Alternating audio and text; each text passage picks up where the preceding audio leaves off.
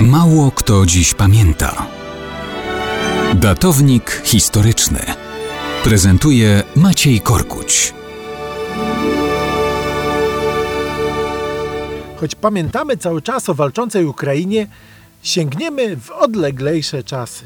Mało kto dziś pamięta, że w marcu 1810 roku w ręce Francuzów dostał się Francisco Javier Mina, jeden z dowódców hiszpańskiej gerilli walczącej przeciw Napoleonowi i francuskiej okupacji Półwyspu Iberyjskiego.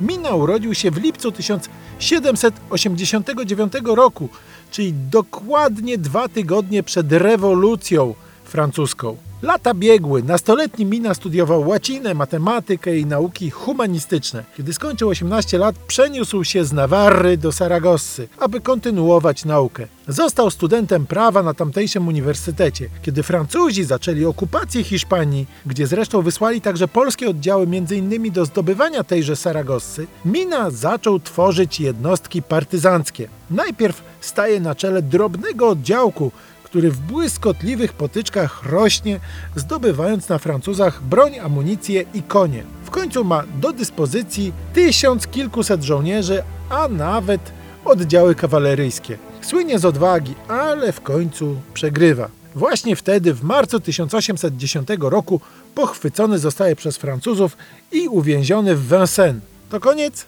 A no nie, bo Mina doczekał upadku Napoleona. Wraca w chwale do ojczyzny.